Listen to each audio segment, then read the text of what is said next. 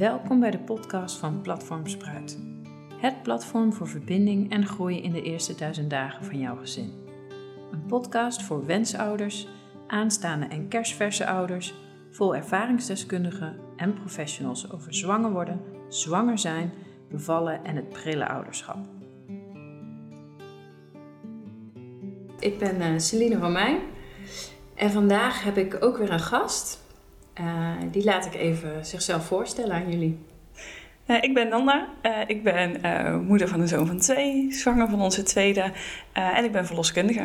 Ja, superleuk. Welkom en leuk dat je hier wil zijn. Um, vandaag gaan we het hebben over de geboorte.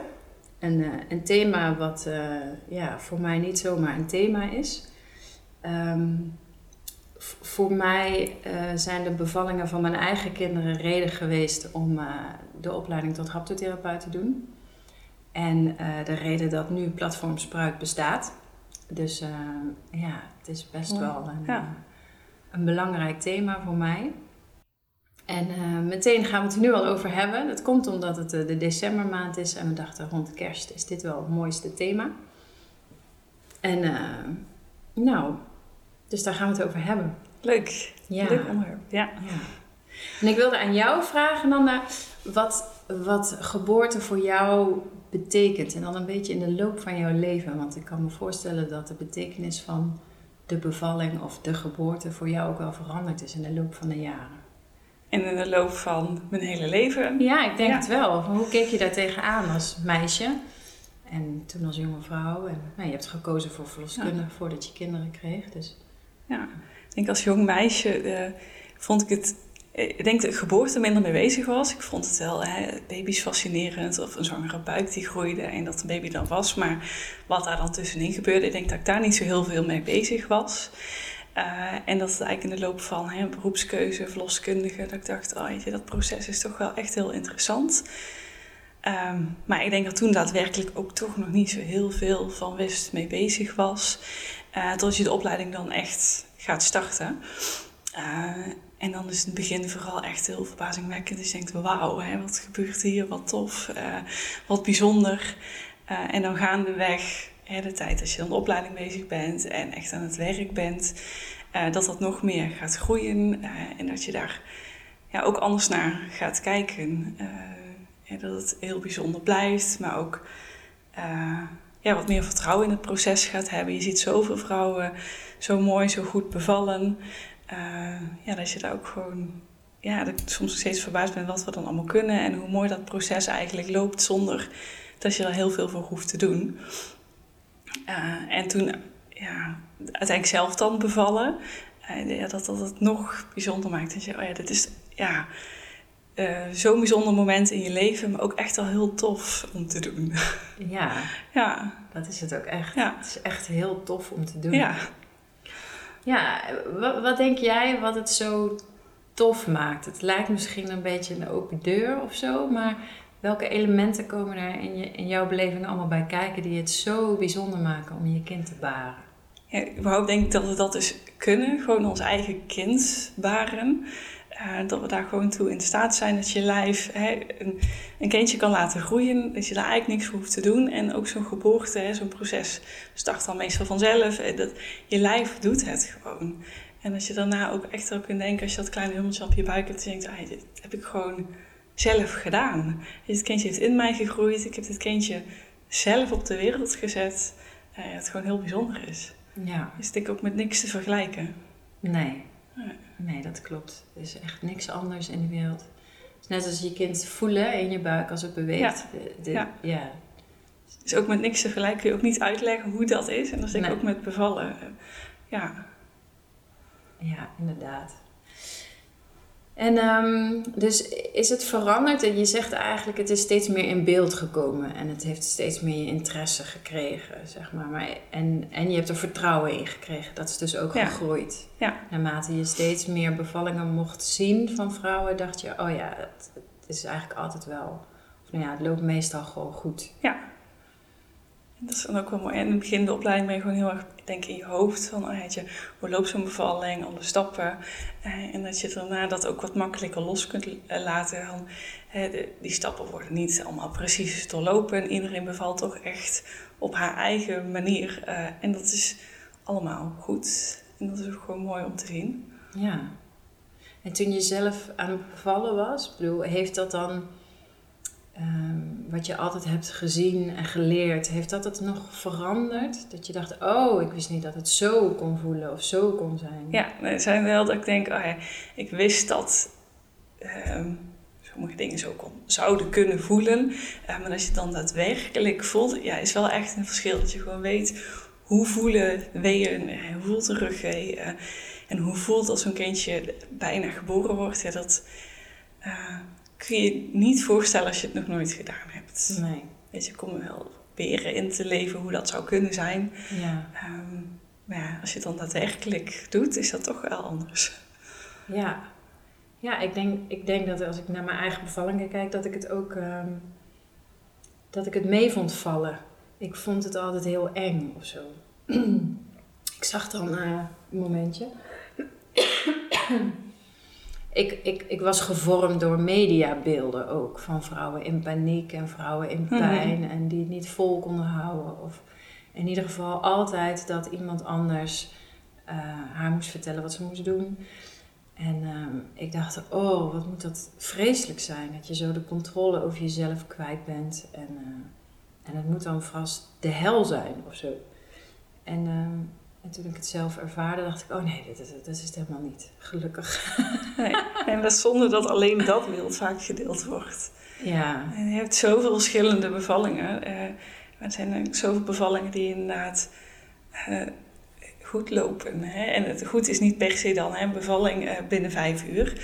maar dat een bevalling gewoon hè, normaal verloopt. Dat een vrouw dat gewoon aan kan. Natuurlijk heftig is, maar niet inderdaad zoals het inderdaad in de media beschreven wordt of hoe je de, al enge verhalen in de omgeving hoort. Nee, precies. Het kan ook echt heel anders. Ja, ik, ik heb laatst die podcast geluisterd van een verloscase, een echte aanrader. En uh, dat ging, uh, dat, was een, um, een interview met Liefnat Faber over hoe um, bevallingen in de film worden gepresenteerd. Zij was, uh, wat deed zij? filmwetenschappen. En toen is ze de bevalling gaan uh, bestuderen in films. En dat was van, nou, ik weet niet hoeveel ze heeft gezien, iets van 80 of zo.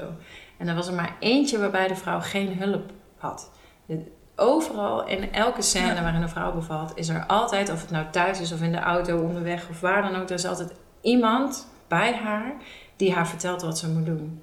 Alsof dat dus ook altijd nodig is. Dat heeft zo'n zo'n sterke beeldvorming, is dat. Ja. En, en ook, dat vond ik ook wel mooi Ehm, dat je dus altijd het meest sensationele stukje van een bevalling ziet. Bijna altijd als het kind geboren wordt en het heel veel kracht kost van de vrouw. Terwijl een bevalling over het algemeen heel lang rustig is. Mhm. En dat is ook bevallen. Maar ja, dat is niet zo interessant op film. Nee, dat, dat beeld zie je niet op film, maar dat, dat stukje hoor je ook minder terug. Ja, ja. ja als uh, mensen een bevallingsverhaal delen, is het toch vaak ook en dat laatste heftige stuk zo wat gedeeld wordt. Of juist de heftige dingen eruit. Ja. Uh, terwijl vrouwen dan weinig positieve verhalen horen over een hele bevalling. En op het moment dat weeën beginnen, dat het misschien nog wel rustig is, goed te doen, uh, dat wordt minder gedeeld. Ja. ja. Het zou denk ik wel helpen als vrouwen wat meer realistisch beeld krijgen. Je hebt gewoon heel veel verschillende bevallingen. Je hebt inderdaad ook een bevalling die gewoon rustig start. Ja. Uh, ja, wat gewoon heel vlot goed loopt. Ja.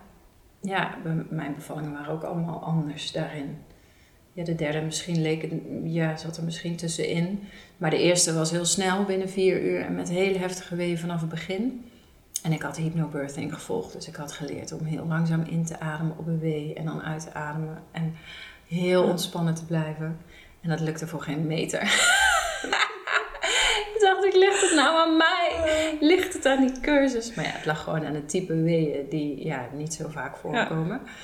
En de tweede bevalling was veel kabbelender. Echt veel rustiger. Dat ik ochtends wakker werd met harde buiken. Dat ik nog niet eens wist, zou het nou gaan gebeuren of niet? En dat uiteindelijk, dat ik vanaf het moment dat ik dacht, oh ja, dat gaat, ik ga vandaag bevallen. Dat heeft denk ik, uh, nou ja, wat zou het zijn? van 8 uur s ochtends tot 4 uur s middags heeft dat geduurd. Dus dat is 8 uurtjes. En, maar dat was heel ontspannen. Ik heb echt nog gedoucht met mijn zoontje, aangekleed, dingen klaargezet. We hebben het bad opgezet. Iemand kwam nog iets langs brengen en die dacht, wat ben jij aan het doen? Elke keer boog ik even over de box heen om een wee op te vangen. Dus het was allemaal nog heel, Ja. heel relaxed. En ik denk dat ik uiteindelijk drie uurtjes in bad heb gezeten of zo. Misschien niet eens. Ja, drie uur heb ik in bad Ja. gezeten. En eh, ja, totaal anders dan de eerste keer. Ook vlot en goed, maar Mhm. wel echt veel rustiger. Ik kon gewoon tussendoor allemaal kletsen. En eh, nou ja, mijn stiefdochters waren er ook bij. Dus eh, ja, Ja. heel anders dan die eerste keer. Ja. Ja, ik vind het inderdaad jammer dat mensen zo'n eenzijdig, eh, sensationeel beeld hebben. Mhm. In ieder geval, bij, bij mij had dat echt heel veel invloed. En Ja. de, die hypnobirthing cursus heeft toen wel geholpen om dat beeld te vervangen met andere beelden. Van rustige vrouwen die heel positief waren en eh, heel blij aan het bevallen waren. Dat ik dacht, oh, dit is ook de werkelijkheid. Dat had ik echt nodig. Ja. Ja, en dat is mooi dat dat inderdaad gedeeld wordt. En hè, dat, mooi dat je dat dan ook opzoekt in de zwangerschap om daar actief andere beelden te zoeken om je daar goed op voor te bereiden. Je ziet vaak de jaren ervoor heb je dan toch hele andere bevallingsverhalen. En sommige, ik krijg hele positieve verhalen bijvoorbeeld van de moeder mee. En dan zie je ook echt wel dat dat meer vertrouwen geeft eh, tijdens een zwangerschap en richting de bevalling toe. Dan wanneer je na het heel je leven verhalen hebt gehoord over verschrikkelijke bevallingen. Ja, dus verwachtingsmanagement is Ja. heel belangrijk Ja. voor een vrouw als die de bevalling ingaat. Ja. En dat zie jij dus als verloskundige ook gewoon. Ja, ik denk als je dat ook gewoon wel met vertrouwen het proces ingaat, eh, dat dat helpt. Hè? Hoe beter je kunt ontspannen, hoe beter je kunt bevallen. Ehm, en als je dus heel erg in je hoofd zit en denkt, oh jee, dit gaat verschrikkelijk worden, eh, lukt dat niet zo heel goed om in die ontspanning te komen. En als je dus inderdaad altijd gehoord hebt hè, hoe een bevalling ook kan gaan, en dat dat ook gewoon rustig goed kan verlopen, eh, ga je met meer vertrouwen de bevalling in. En dan denk ik dat je ook beter in die ontspanning kunt komen eh, en zo een betere bevalervaring kunt hebben. Ja. Ja. Ehm, even denken. Ja, wat. ehm, eigenlijk vertel je nu over wat van positieve invloed is hè, op de bevalling bij vrouwen, waar ze profijt van hebben. Mhm. Als we daar nou toch naartoe gaan naar dat thema, wat, wat zou jij dan. Wat zie jij in jouw werkervaring wat positieve bijdrage levert? We hebben het dus over die positieve beeldvorming, hè? goede Mhm. verhalen horen. En, en wat zie je nog meer wat kan helpen bij vrouwen? Ik denk sowieso voorbereiden. ehm, dat je gewoon ook weet van hè, wat gebeurt er met de bevalling, wat gebeurt er in mijn lijf. Ik denk hè, daar de kennis van hebben, dat dat ook vertrouwen geeft. Dat wanneer je denkt, oh hè, wat gebeurt er nu? Dat je gewoon een beetje weet van hoe kan een bevalling ongeveer lopen. Eh, dus dat je daardoor wat meer vertrouwen krijgt. Ehm, wat ik net ook zei, ontspannen is heel belangrijk. En dat je ook gaat denken van hè, hoe kan ik goed ontspannen? Wat helpt mij om te ontspannen? En dat ook gewoon misschien te oefenen. Dat zie je bijvoorbeeld ook met de zwangerschapscursus, bijvoorbeeld hypnobirthing. Eh, dat je dat ook echt al in de zwangerschap gaat oefenen. Van hoe kan ik goed ontspannen en hoe kan ik dat dus meenemen in de bevalling? Ja, Dus ik denk sowieso een voorbereiding dat dat heel fijn is. Eh, dat je bedenkt van hoe zou ik het graag willen. Ehm, en waar zie je dan goede resultaten van? Jij noemt al hypnobirthing, dus eh, zie je daar ehm, veel positieve bevallingen mee? Ja, ik denk dat hypnobirthing kan helpen. Wat je ook zegt, inderdaad een ander beeld van bevalling in je hoofd krijgen. Dat dat kan helpen om vertrouwen te krijgen. Eh, je leert ontspannen. Ontspannen is natuurlijk heel belangrijk. Dus denk inderdaad alle voorbereidingen waarbij dat en een stukje kennis eh, kan helpen. Een stukje ontspanning kan helpen. Ja, alle zwangerschapscursus denk ik die dat omvatten. Of alle voorbereiding. Dat dat daarin heel erg helpt. En yoga, zie je bijvoorbeeld vrouwen die yoga oefeningen doen en dat hen dat helpt? Ja, ook daar zie je vaak dat stukje ontspanning wat ze daar uithalen en wat dan ook met de bevalling kan helpen. Ja, Dat veel vrouwen dan ook wel tijdens de bevalling eh, het stem van de yogalerares of zo horen. Dat ze denken, oh ja, ontspannen, deze ademhaling. Ja. dus dat zat ook echt wel meenemen in de bevalling. Ja. ja dat is mooi. Ja. Dus ja, voorbereiden, een positief beeld vormen, Ontspanning. eh, ontspanning. geboorteplan hangt dan denk ik ook een beetje samen met eh, de voorbereiding, Ja. de kennis, dat dat ook eh, helpt. Ja, en helpt dat ook in ontspanning? Want ehm, ik, ik heb bijvoorbeeld, ik heb nou voor het eerst een geboorte bij mogen wonen van iemand. Vorige week, heel bijzonder, als doula. En wat ik ook wel merkte, is dat ze af en toe even uh, aan iets dacht van... oh ja, we hadden bedacht dat we dit niet wilden of dat heel graag mhm. wilden. En dat ze dan ineens zo uit haar bubbel kwam en dat ze zei... Eh, dat moet, schat, hebben we dat, uh, dat, mag niet hè, of dat doen we niet hè. En dat ik dacht, vertrouw er maar, ga maar gewoon weer terug je bubbel in. Dat komt goed, daar weten we allemaal van. Ja. Zo'n geboorteplan kan ook wel weer voor een beetje extra spanning zorgen, denk ik dan. Ja, ik denk dat het wel belangrijk is van een geboorteplan... Ehm, en dat geboorteplan kan helpen qua voorbereiding. Hè? Dat een geboorteplan kan zorgen dat je nou, dus gaat inlezen van oh, wat zijn mijn opties, wat ligt er. En dat je kunt bedenken van nou, hoe zou ik het graag willen. Uh, maar dat mooie in een geboorteplan is ook te bedenken van wat als het anders zou lopen. Wat zou ik dan uh, voor wensen hebben. Uh, dus niet alleen dan de ideale situatie misschien beschrijven, maar ook hè, wat als het anders zou lopen. Wat heb ik dan voor wensen? dat dat daar misschien ook in kan helpen. Dat je dan niet als het anders loopt, want je weet toch nooit hoe een bevalling uiteindelijk gaat lopen, mhm. eh, dat daar ook al over nagedacht is. En inderdaad ook wel weten, ehm, dit neem ik mee, dit zijn nu mijn wensen, maar die kunnen gaandeweg een bevalling ook aangepast worden. Ja. Dat je daar ook zo een beetje in een geboorteplan staat. Het is niet heel strak van, dit is het, zo gaan we het doen. Uh, want je weet vooraf inderdaad nooit hoe gaat mijn bevalling? Hoe ga ik het ervaren? Hoe ga ik het voelen? Hoe lang duurt mijn bevalling? En dat kan natuurlijk van invloed zijn op de wensen die misschien ook kunnen veranderen. En dat het ook prima is. Ja, ja. Ja, ik ben echt wel een voorstander van een geboorteplan hoor. Dat zou je. Klonk net misschien niet helemaal zo. Maar ik, ja, ik denk dat het heel goed is om zo'n plan te hebben wanneer je met je zorgverlener in gesprek gaat. Hè, ik, ik vind, ehm, dat is een vraag die ik je straks nog even wil stellen. Ehm, vaak wordt pas vrij laat in een zwangerschap een gesprek gevoerd over de bevalling. Van hoe wil je dat en waar wil je dat? En ik denk dat als je, ja, als je een verloskundige praktijk gaat kiezen, hè, of, je, of je gaat een ziekenhuis kiezen, als je een medische mhm. indicatie hebt, dat zo'n geboorteplan wel kan helpen met kunnen wij op één uh, lijn komen met elkaar. En kunnen we mhm. op elkaar vertrouwen dat, uh, ja, kunnen we samenwerken. Want als je er allebei heel anders in staat, dan moet je dat wel op tijd weten, zodat je ook gewoon kunt, ehm, ehm, ja, kunt overstappen naar iemand anders die wel wat meer bij jou in de buurt komt, zeg maar, in, in wat je wil. Ja. Je ziet vaak wel, vind ik, dat veel, weinig vrouwen, denk ik, uh, vooraf al voordat ze zwanger worden of echt net zwanger zijn, um, al precies weten hoe ze het willen. Ik denk dat bij veel vrouwen het gaat leven op het moment dat ze zwanger zijn. Uh, gaandeweg de uh, zwangerschap gaan nadenken. Oh ja, straks de bevalling. Uh, zich gaan inlezen, verdiepen. soms zwangerschapscursus gaan doen. En pas in die periode bedenken van... Oh wacht, ik zou het zo graag willen. Het zou misschien mooi zijn als vrouwen daar eerder al over nagedacht hebben. En dus op basis daarvan een keuze kunnen maken van... wat voor zorgverlener past dan nu bij mij? maar ik denk bij de meeste vrouwen het echt gaat leven tijdens hun zwangerschap. Als hun zwangerschap vordert. Ja, dus je zegt eigenlijk. Oh, daar gaat even een deur open. Jij zegt eigenlijk uh, dat is de reden dat, uh, dat het pas zo laat in de zwangerschap besproken wordt in de verloskundige praktijk. Dat er dan pas gevraagd wordt van wat, wat wil je nou eigenlijk precies? Mm Ja, dat snap ik wel, dat het dan pas gaat leven. De meeste cursussen starten halverwege, hè, met de 20 weken ongeveer. Ja.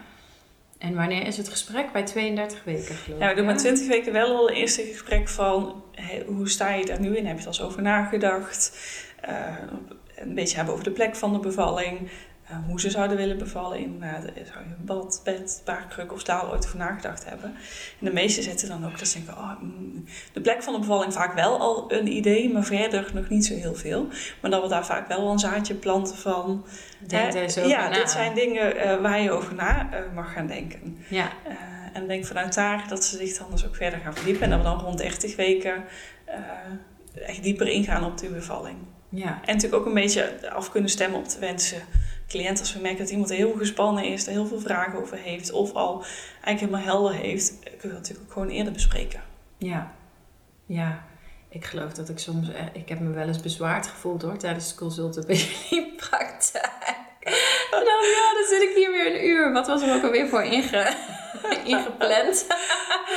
ik wilde zoveel weten, zoveel bespreken. Ja. Ik had het echt ontzettend nodig om op één lijn te komen met de verloskundige in de praktijk. Maar ja, dat kwam omdat ik er zoveel over las en me zo aan het verdiepen was en zoveel dingen eh, ja, afgedekt wilde hebben of zo voor mezelf. En, en uiteindelijk, ik, ik had een uitgebreid eh, bevallingsplan eh, bij de eerste. Maar ik geloof dat ik bij de tweede of de derde al zei van... Nou, er gebeurt gewoon niks zonder overleg met mij. En als het niet met mij kan, dan met mijn man. Punt. Korte samenvatting. Ja, dat is eigenlijk het enige wat nodig Ja. was voor mij. Ik wil gewoon dat dingen gebeuren in afstemming. Ja. Ja. En de een zal ook misschien meer ru- ruimte nodig hebben om die bevalling te bespreken dan de ander. Ja. Ehm, en dat is ook gewoon hoe we dat dan afstemmen. ja. Als iemand daar heel veel vragen over heeft, de ruimte voor nodig heeft, nou, dan maken we de ruimte om daar eh, op in te gaan, om het te bespreken. Ja. Want het is wel heel belangrijk inderdaad dat je je gehoord voelt, je wensen er liggen. eh, dat je, eh, je moet dat onderling vertrouwen hebben. Ja. Eh, dat het met verloskundige goed voelt, dat je denkt, oh ja, het is fijn als jij erbij gaat zijn, nou, jullie praktijk, ehm, en dat we dat samen kunnen gaan doen. En dat ik jullie ken en jullie mijn wensen goed kennen. En dat geeft natuurlijk ook vertrouwen. Ja. En dat vertrouwen is nodig om te kunnen ontspannen. Ja. Wanneer het moment daar is. En dat is wel nodig om goed te kunnen bevallen. Ja. Ja. Ja, zeker. Ik had met eentje, met één verloskundige uit de praktijk wat minder klik. En ik had het idee dat ze al mijn wensen en al mijn vragen een beetje zoiets had van... Nou, nou, nou, we zien wel. Ik ga eerst maar gewoon eens een keer bevallen. Voordat je met al je meningen en ideeën komt. En ik voelde me niet zo gehoord en heb ik aangegeven. En toen hebben heeft de praktijk een, een gesprek ingepland van een uur bij mij thuis. En dus kwam de verloskundige in kwestie kwam bij mij langs. En dat was een super fijn gesprek. En zij Ja. had uiteindelijk dienst toen ik ging bevallen. En het, ze heeft me echt fantastisch ondersteund. Dus Fijn, ja, dat, dat vond ik zo'n goede zet. En misschien Ja. van mij al om het aan te geven. Dan had ik dat denk ik bij haar zelf aan moeten geven. Maar goed, dat vond ik nog wel te Ja, het is spannend. ook dat spannend aan de kant van een Ja. andere manier. Maar het is Ja. altijd goed om het wel aan te geven. Ja, Eh, want dan kun je er inderdaad ook iets mee. Want had je dat niet gedaan, was alsnog bij jouw bevalling geweest, dan had je er misschien een ander gevoel bij gehad. ja, ja. En dan, dan weet ik zeker dat ze me ook had gesteund hoor. Maar dan had, en dan Ja. had het echt anders gevoeld. Ik had het wel nodig Ja. om die afstemming vooraf al te bereiken. Ja, ja, inderdaad. Ja, wat, wat zie je nou? Hè? Dit zijn de dingen waar je baat bij kunt hebben als vrouw. Wat helpend is in, zo, in een bevalling. Zie je ook de andere kant van wat is nou echt... ehm, wat belemmert een vrouw heel erg om te bevallen? Eh, heel veel angst. Ik denk dat angst inderdaad dus ook eh, je echt kan belemmeren. Eh, je hebt er geen vertrouwen, eh, gaat niet in die ontspanning komen. Dus dat dat ook heel belangrijk is om dat kenbaar te maken, dat we daarmee in de slag kunnen gaan. Ehm, ja. En je zegt inderdaad soms een geboorteplan. Eh, je zegt soms kan het belemmeren. Dus dat is goed om daar ook gewoon reëel in te gaan zien. Eh, om niet inderdaad al. Weet ik, eh, ik vind vertrouwen super belangrijk. Ehm, maar inderdaad, hoe zeg ik dat? Niet vertrouwen van hey, ogen dicht, ik spring erin, maar ook gewoon reëel kijken van nou, wat als het dan anders loopt? Wat voor wensen heb ik dan? Dat je inderdaad ook gewoon breder kunt kijken. Ehm, en dat het niet is als het afwijkt van dat het dan me gaat belemmeren en dat het gaat tegenvallen dat je in die cirkel komt. Ja, ja ik denk dat het Ja. belangrijk is dat je je waardes kent. En dat je vanuit die waardes normen gaat bepalen die jou helpen om die waarden te waarborgen. Ik ben een beetje Ja. abstract aan het praten, maar bijvoorbeeld eh, de bevalling waar ik bij was vorige week. Die vrouw wilde geen synthetische oxytocine. Want we hebben het, hè, ze, ik had die vrouw ook in begeleiding gehad, zwangerschapsbegeleiding. We hebben het gehad over de voor- en nadelen daarvan. Nou, er zijn heel veel nadelen. Hè, je hebt niet je eigen weeën. ehm, vaak wordt dat een storm, want het is een constante afgifte in je bloed in plaats van de pulserende afgifte van je hersenen. Eh, het is niet het hechtingshormoon, hè? Het, het heeft niet Mhm. dezelfde werking. Dus nou ja, goed, die vrouw was ervan overtuigd dat ze het niet wilde. Heeft het toch gekregen uiteindelijk, omdat de bevalling eh, stagneerde op het einde en het een uitputtingsslag was Ja. geworden. En ehm, in het eh, geboorteplan stond dat ze geen synthetische oxytocine na de bevalling wilde, na de geboorte van haar kind, want ze wilde die niet in haar lijf hebben. Ja, Ja. die vrouw had al weeopwekkers gehad. En toen ging de gynaecoloog toch nog, of de klinisch verloskundige was dat, ging dan toch nog checken bij die mevrouw, omdat het in het geboorteplan stond van, ehm, dit willen we geven, hè, om bloeding te voorkomen, bla bla. En toen dacht ik bij mezelf, dit is eigenlijk ook een fra- frappante vraag. Want het zit al lang in haar lijf. Mhm. En dan ga je toch, uh, uh, naar aanleiding van het plan, ga je de vraag stellen: mogen we het dan nog toedienen? toedienen? Ja. Ik denk, ja, maar je hebt het al toegediend. En dan, dan vraag ik me af: is het een. een um, ja, snapt zo'n verloskundige dan wel vanuit welke waarden zo'n plan is opgesteld? Ik, en ik denk dat dat belangrijk is. Dus als je, als je de waarde hebt, ik wil mijn eigen hormonen en geen synthetische varianten, mm -hmm. ja, dan wil je dat, dat is dan een keuze. Ja. En als je dan op een gegeven moment in je bevalling een omslag maakt en zegt van ja, maar nu gaat het niet meer, dan toch maar wel, want het weegt Ja. op tegen de nadelen die ik nu ervaar. Ja, dan, dan maak je die keuze. Maar het gaat er dan om welke waarden je hanteert. Namelijk, ik wil het op mijn eigen hormonen kunnen doen. Ja. En het gaat dan niet per se om, krijg je wel of niet die prik na de geboorte. Het gaat erom, heb je al je eigen hormonen verstoord Mhm. of niet. En dat, dat, dat vond ik een hele opvallende, dat het net leek alsof die klinisch verloskundige er niet zo bewust mee bezig was met eh, waar bepaalde eh, verzoeken vandaan kwamen of zo. En ik denk dat wat jij zegt van in je geboorteplan, het is fijn om vertrouwd te hebben uit zo'n plan, maar je moet ook kunnen meebewegen met de situatie. Ik denk dat je dus gewoon bewust moet zijn van de waardes. Ik, ik had bijvoorbeeld, ik heb op een gegeven moment gevraagd om de vliezen te prikken bij mijn tweede bevalling. Terwijl ik altijd hands-off eh, bepleit had, Mhm. zeg maar. Het- Ja. Het liefst zo weinig mogelijk toucheren. Eh, niks, eh, geen interventies. En uh, vliezen prikken is echt wel een interventie. Best een pittige ook. Maar ik had zoiets van, ja, maar waarom wil ik dat niet? Omdat ik regie wil houden. Ja, Mhm. en dit was iets wat ik zelf wilde. Want Ja. ik dacht, ik word ongeduldig. Ik wil dat de weeën sterker worden. Nee, Ja. en dan, Heb je wel die regie? ja, dan heb ik nog steeds mijn waarde behouden. Alleen eh, had ik niet gedacht vooraf dat ik zo om zoiets zou vragen. Maar Ja. het ging er mij om dat het vanuit mij kwam. Ik wilde dat. Het hoeft ook Ja. helemaal niet. Ik was helemaal niet zo lang aan het bevallen. De verloskundige had wel geduld. Ja. Maar ik niet meer. En, dus ik heb Ja. gevraagd, wat, wat gebeurt er als we dat doen? Ja, ja, dan gaat het wel harder en sneller. Nou, dan gaan we dat doen. Maar dan eh, maak je naar hetzelfde keuze. Ik denk dat een stukje autonomie daarin ook heel belangrijk is. Ja, eh, als je gaat bevallen. eh, dat je inderdaad zelf de keuzes kunt maken. En die keuzes kunnen inderdaad tijdens een bevalling bijvoorbeeld anders zijn dan wat je hier bedacht had. Eh, tijdens de zwangerschap. Hè? Als een bevalling inderdaad zo lang duurt dat je denkt... Weet je, ik had inderdaad bedacht dat ik echt mijn eigen hormonen wilde gebruiken. Maar ik zit nu op een punt eh, hè, dat ik misschien toch denk dat ik wat hulp nodig heb. eh, dat het dan oké is. Maar dan maak jij die keuze. Ik denk Ja. dat die autonomie daarin ook heel belangrijk is. En dat dat ook vaak het verschil maakt hoe je op je bevalling terugkijkt. Hè, dat het niet per se is van ik kijk goed op mijn bevalling terug als ik inderdaad binnen zes uur thuis in bad bevallen ben. Maar als je inderdaad je kijkt er goed op terug, je denkt van, ik, ik heb zelf de keuze kunnen maken tijdens mijn bevalling hoe ik het wilde. En wilde ik die vliezen gebroken hebben omdat ik dat wilde, is dat fijn. Worden ze gebroken tegen je wil in, kijk je er heel anders op terug. of zonder dat je het weet. Ja, En dat je het terugleest in je bevalverslag. ja. Want dat is natuurlijk wat, ja. wat, dan wat had je niet die autonomie eh, dat jij de keuze had. Ja, eh, om bepaalde ingrepen te doen. Ja. Dus daarom is het fijn dat, hè, dat het in overleg gaat, dat je zelf die keuze gaat hebben. En dan kun je alsnog uiteindelijk misschien alles hebben wat er niet in je geboorteplan stond. En dat je kindje met een keizersnede geboren is. Eh, maar als jij in alle keuzes betrokken bent, ehm, alle keuzes snapt, mee eens bent, de autonomie had, kun je daar net zo goed op terugkijken als wanneer je inderdaad hè, wel thuis in bad bevallen bent. ja. Dus ik denk dat dat echt, een hele belangrijke is. Ja, dat is ook steeds wat onderzoek aantoont. Hè? Er zijn meerdere mensen zijn ook hiermee bezig. Ik weet dat Claire Stramrood heeft hier ook een goed onderzoek naar gedaan. Wat maakt nou een traumatische bevalling? En dat heeft gewoon te maken met verlies van autonomie. Met, met Dat je geen zeggenschap meer hebt over je eigen lichaam en wat daarmee gebeurt. Alle gevoelens van bijvoorbeeld seksueel misbruik heeft te maken met dat je geen zeggenschap meer hebt over je eigen lichaam. En, en, en je lichamelijke grenzen die overschreden worden. Dus zolang jij zelf kiest. Kijk, je, je kunt toch niet voorspellen inderdaad hoe lang je erover doet.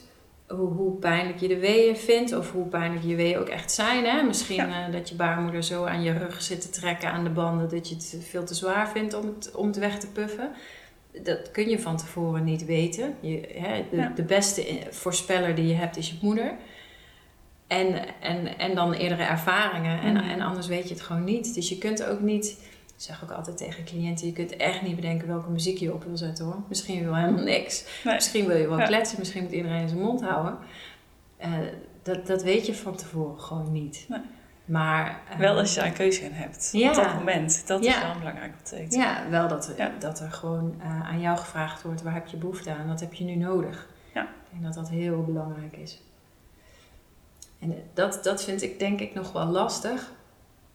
Ik denk dat het een, een verschuiving dat er een verschuiving moet komen ook in mentaliteit bij vrouwen zelf. Dat vrouwen zichzelf denk ik ook heel onzeker voelen en kwetsbaar. En dat als je ze vraagt, wat heb je nu nodig? Dat die vraag moeilijk te beantwoorden is. En ik, dat kan voor het grootste deel komen, denk ik, omdat je, zeker als je de eerste keer aan het bevallen bent, dat je niet weet hoe je je voelt tijdens de mm week vooraf. En dat je, als het je dan overkomt, dat je denkt, poeh, dat je al je energie nodig hebt om daar doorheen te komen, zeg maar. Ja. Dus dat, dan is er niet zoveel ruimte in je systeem om te bedenken, oh ja, wat heb ik nu nodig? Dan is het fijn dat iemand even voor jou denkt. Maar ik denk ook dat het komt dat er een stuk angst meespeelt. Dat je zo ehm, onzeker bent over die pijn en of je het wel kunt en of je dat wel aan kan. Want hè, als een bevalling net begonnen is, het is een, je werkt naar een climax toe en dan baar je je kind. Als je dat heel spannend vindt, denk ik dat dat ook de ruimte wegneemt Mhm. Om te kunnen beantwoorden, wat heb ik nodig van een ander? Heb ik het nu nodig dat je eh, thee voor me gaat zetten? Of uh, ik wil warmte tegen mijn vagina aan? Of ik wil een koud doekje op mijn hoofd? Of ik wil in je hand kunnen knijpen? Of ik wil dat jullie even de kamer uitgaan? Ik wil nou even alleen douchen? Of... Al die dingen geeft je lijf wel heel duidelijk aan. Maar voel je ook de ruimte om nou ja, heb je geleerd om daarna te luisteren? Laten we daar even mee beginnen. Ja. Ik ben niet voor niks haptotherapeut je eigen lichamelijke signalen horen, zeg maar. Maar dan ook de ruimte voelen om het uit te spreken en, het, en te verlangen, zeg maar, van anderen. En eh, ja, ik denk dat hoe meer vertrouwen je voelt in jezelf en in het proces, hoe meer ruimte je kunt ervaren om daar ook ehm, woorden aan te geven. En dat uh, uit te spreken naar anderen toe. Ja, en ik denk dat daar inderdaad een voorbereiding heel fijn voor is. Ja, ja, dat denk ik. En inderdaad gewoon een basisvertrouwen, überhaupt in jezelf, in je lichaam hebben.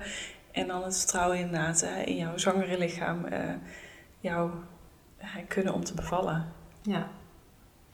Ja, we waren net, hadden we het over de dingen die belemmeren. Hè? Je zei dan de angst inderdaad. zijn er nog meer dingen die je ziet? Ik, ik kan me voorstellen dat ehm, partners of uh, moeders of Hè, mensen die bij de bevalling zijn bijvoorbeeld nog van invloed zijn. En je natuurlijk, je hebt je eigen angst die je kan belemmeren, maar natuurlijk ook angst van mensen om je heen. Nou, als je partner het zo spannend vindt en denkt, oh jee, weet je, ik zie dat je pijn hebt, gaat het wel goed, moet ik iets doen, ik wil je helpen. Ehm, en dan opties gaat geven. Uh, nou, ik zie dat je pijn hebt, zullen we niet het toch iets voor de pijn gaan uh, vragen? Um, oplossingen aandragen. Uh, die de vrouw zelf misschien niet nodig heeft. Ik denk dat dat heel fijn is dat iemand naast je staat die gewoon het vertrouwen in jou heeft, uh, jou kent uh, en luistert naar jouw wensen erin. Als jij zegt van, nou, ik wil wel iets tegen de pijn, dan samen gaat kijken. maar niet inderdaad de eigen angst van een partner of een omgeving projecteert op degene die aan het bevallen is. Ja. Ik denk dat jouw eigen angst, maar ook angst van anderen, wat kan belemmeren. Ja. Ja, er is niks zo besmettelijk als angst. Ja, goed, dat zien we allemaal om ons heen in deze tijden ook. Je ziet wat, hoeveel invloed het heeft op mhm. mensen en op uh, keuzevorming. Ja. Het vertrouwen van je omgeving, je partner, familie, en van je verloskundige, uh, dat dat ja. wel heel waardevol is. Ja, want als we dan het bruggetje maken naar de angst van de verloskundige, die kunnen natuurlijk ook angstig zijn. Die, hè, dan, die angst is natuurlijk ook uh, projecteerbaar op de barende, zeg maar. Ja. ik kan me voorstellen dat je een hele pittige bevalling uh, meemaakt als verloskundige eh, zonder goede uitkomst. Hè? Een kindje wat het heel mhm. moeilijk heeft bij de start of wat misschien wel uh, doodgeboren is of kort na de geboorte overlijdt. Ik neem aan dat je dat niet zomaar uh, los kunt laten als verloskundige. Nee, natuurlijk. Dat, je dat ook meeneemt. Ja, dat neem je natuurlijk ook mee. Het heeft natuurlijk ook heel erg veel invloed op hoe je uh, ja, daar zelf dan ja, heeft invloed op je er staat. Uh, het doet natuurlijk heel veel met je. Het gaat gelukkig vaak goed en dan is het zo mooi om erbij te zijn. En het gaat inderdaad ook wel niet goed. En dat heeft natuurlijk ook invloed op ons. We zijn natuurlijk ook gewoon mensen met onze gevoelens. ja, die, dat gaat ons ook echt aan het hart. Ja. Um, maar ik denk dat het wel goed is om dat proberen voordat je bij een volgende binnenstapt. Uh, proberen niet al jouw bagage mee te nemen tijdens de bevalling. Ja. Uh, wel te bedenken, als je, dit is een andere situatie, een andere zanger, een andere vrouw. Uh, en niet diezelfde als waarbij het niet goed ging. Ja, dat is moeilijk hè? Ja. ja. Ik weet nog een tijd terug inderdaad de bevalling gehad waarbij een vrouw echt heel veel bloed had verloren. Uh, dat was wel gewoon echt een heftige bevalling. En dat neem je natuurlijk ook echt wel persoonlijk mee. Dat je denkt, ja, heb je ook je gevoelens bij. En dat ik de dag erna inderdaad een huis binnenstapte, s ochtends vroeg, eh, voor een thuisbevalling. Dat ik toen ook echt wel bewust dacht van, je, maar dit is echt een andere vrouw die gewoon prima je thuis kan gaan bevallen. En dat ik dat wel gewoon echt buiten liet en niet mee naar binnen nam. Ja. En wat, wat, wat doen jullie daaraan als verloskundigen samen dan? Eh, eh, bespreek je dit dan ook? En zijn ja, dat zijn wel bevallingen die inderdaad besproken worden. Hè? Dat je als collega... we kijken ook vaak al wie is bevallen, hoe is dat gegaan. En als dat dus inderdaad een heftige bevalling was... dan dan ook altijd wel even bellen van hoe gaat het, het verhaal kunnen delen. Uh, dus dat je daar inderdaad als praktijk dat samen draagt. Dus er niet alleen voor staat. Ja, en zijn er dan bijvoorbeeld ook bijscholingen? Hè? Jullie moeten toch altijd bijscholen, mm -hmm. nascholen. Zijn daar dan ook uh, opleidingen voor of, of, of, thema's binnen opleidingen dat daar aandacht voor is? Van wat doe je nou als je iets heftigs meemaakt? En... Er zijn je hebt heel veel bijscholingen natuurlijk echt heel praktisch. Ja, precies. Maar er zijn inderdaad ook wel bijscholingen uh, meer op uh, persoonlijk vlak van verloskundigen. Ja, dus uh, de, de, daar wordt wel aandacht aan besteed van hoe, hoe ga je om met traumatische ervaringen als zorgverlener. Ja. Ja, ja dat vind ik een heel mooi thema. ik zou daar ook wel wat in willen kunnen betekenen, zeg maar, voor verloskundigen. zou ik het leuk vinden. Ja, dat zou ook mooi zijn. Ja, ik denk dat er gewoon nog heel veel um, te halen valt, zeg maar, mm -hmm. op dat vlak. Ik denk dat er in, in onze maatschappij is er zoveel um, ruimte voor techniek en, en kennis en, en medisch handelen en allemaal. Hè. We willen het allemaal zo goed doen. Maar we vergeten soms een beetje de emotie erachter. Ja. En die is ook zo belangrijk. Ja, ja het, je neemt toch... Je staat er als persoon, als verloskundige. Uh, en dan wil je niet alles meenemen. Nee. Uh, het is fijn als je zelf gewoon emotioneel stabiel er staat. Uh, en gewoon volledig voor die vrouw kunt zijn. en niet heel veel zelf mee hebt. Ja. Ja, inderdaad. Nou, wat mooi zo. Ik vind het leuk om het hierover te hebben, ook zo met jou. Ja, Ik vind dat wel tof. mooi. Ja, het ook heel leuk. Ja, wat, eh, wat wil ik nog meer weten van jou? Ehm, geboorte. Mm. Ja, we hebben het gehad over wat vrouwen helpt. Hè? Dus eigenlijk zit daar al wel een advies in, denk ik. Ja. Bereid je voor en, en zoek dat vertrouwen op. En we hebben gekeken naar wat belemmert. Hè? De angst van jezelf of de angst van je partner of de angst van de zorgverlener. Wat zijn nog meer belangrijke thema's die jij tegenkomt in je werk of die je zelf hebt ervaren door moeder te worden? Dat je denkt, ja, dit, dit zijn aspecten van de geboorte die nog te weinig aandacht hebben gekregen. Ehm, ja, ik denk dat we hebben net ook, ook al over gehad op die autonomie. Dat dat wel een hele belangrijke is. En dat dat op sommige vlakken denk ik wel meer zou mogen. Ja, dat vrouwen echt inderdaad gewoon keuzes kunnen maken. eh, in goed overleg. ehm, ja, dus zelf echt die regie hebben. Ja. Ja, ik denk dat daar niet genoeg aandacht naartoe kan. Het is zo belangrijk. Ja, weet je, ik, ehm, ik had alle drie de keren echt een roze wolk. Ook Mijn bevallingen Mhm. waren dan vlot en, en eh, complicatieloos. En ehm, het, het gaf mij gewoon zo'n intens zelfvertrouwen. Dat was gewoon enorm. Omdat Ja. ik, ja, dat gevoel wat jij beschreef, hè, er groeit een kind in je buik. En dat kind zet jezelf ter wereld. Vervolgens eh, drinkt het uit jouw borsten. Eh, dat geeft je zo'n sterk gevoel. Een soort Ja. superpowers die je dan hebt. En ehm, ik, ik weet uit, uit mijn werk en uit hè, alles wat ik lees, hoor, bespreek met mensen, dat dat gevoel heel snel ondermijnd kan worden als je inderdaad je autonomie verliest. Hè, als mhm. mensen over jouw lichaam beslissen, dan verlies je dat gevoel van kracht. Dus daarom denk ik inderdaad dat er niet genoeg aandacht naartoe kan gaan. We kunnen daar niet zorgvuldig genoeg mee omgaan. Want dat zelfvertrouwen wat je hebt in het begin van je ouderschap, heeft natuurlijk enorm veel invloed op hoe je die eerste hechtingsperiode doormaakt met je kind. Hè? Dus het gaat ook over, we kunnen het zo breed trekken als we willen. Het gaat ook over de maatschappij van de toekomst. Het gaat over kinderen die minder psychologische steun nodig hebben. Ja, omdat ze gezond gehecht zijn. Omdat hun moeder met een goed gevoel op de bevalling terugkeek. En daardoor niet in beslag werd genomen door negativiteit of angst of trauma. Waardoor die energie niet naar het kind toe kon gaan. Het is gewoon, uh, het is in het belang van een moeder, het is in het belang van het kind, het is in het belang van het huwelijk. Hè? Of huwelijk, in ieder geval relatie. Eh, van de relatie om, om op zo'n mooie manier terug te kunnen kijken. En dat staat dan inderdaad los van de vorm van de bevalling, maar wel uh, wie de regie had over die bevalling en, en, hoe de keuzes zijn gemaakt.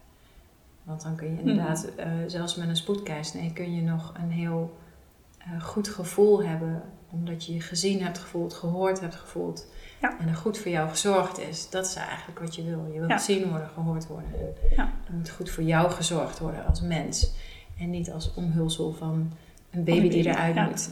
Ja. Ja. In het belang van alle partijen is dat gewoon heel belangrijk. Ja, je ziet dan ook echt een verschil naar hoe vrouwen dan in een kraamweek hè, zitten, hoe ze dat beleven. Ja. En dat zo'n positieve bevalervaring, hoe die bevalling dan ook gelopen is, uh, meespeelt. In hoe ze zich voelen inderdaad. Je zegt de start voor een kindje, de start voor het gezin. Uh, en dat, je zegt dat zelfvertrouwen wat dat geeft, dat is natuurlijk ook wel heel belangrijk omdat uh, daarin mee te nemen. Daarna ook gewoon de zorg voor je kindje. Dat je daar ook goed vertrouwen in kunt hebben van... Ik ben zijn moeder, ik voel aan wat goed is. Ik kan daarop vertrouwen. en dat neem je mee. Ja. En het kindje ook. Ja. En voor jezelf opkomen is ook belangrijk. Hè? Als je later voor je kind op wil komen. Ja. In schoolsituaties of wat dan ook. is ook fijn dat je gewoon leert om, ehm, ja, om grenzen te bewaken. Ja. Van jezelf tijdens de bevalling later ook van je kindje. En dan is het fijn om te weten wat zijn jouw grenzen. Dus om daar inderdaad vooral wel over na te denken. Ja. Goed voelen, hè? Ja. Heel goed voelen. Ja. Want je lijf weet het meestal wel. Mhm. Ja. Ja. Nou, ik denk dat dit wel uh, mooie thema's zijn voor mensen ook om over na te denken. Hè? Om terug te kijken naar hun eigen bevalling, hoe ze dat hebben ervaren. Zeker als vrouwen nu in verwachting zijn om hmm. Ja. Om over na te denken vooraf. Van wat is waardevol, wat, eh, wat draagt bij. Nou, dankjewel Nanda voor het mooie gesprek. Ja, fijn dat ik er mocht zijn. Ja, echt heel blij mee. Mooie adviezen, mooie inzichten. En dan uh, spreek je graag snel weer. Ja, hopelijk ook. Tot snel. En jullie ook luisteraars. Tot snel. Dit was de podcast van Platform Spruit het platform voor verbinding en groei in de eerste duizend dagen van jouw gezin. Wil je zelf meepraten? Sluit je dan aan bij onze Platform Spruit Community op Facebook en bezoek ook ons Spruitcafé. Je vindt ons op www.platformspruit.nl.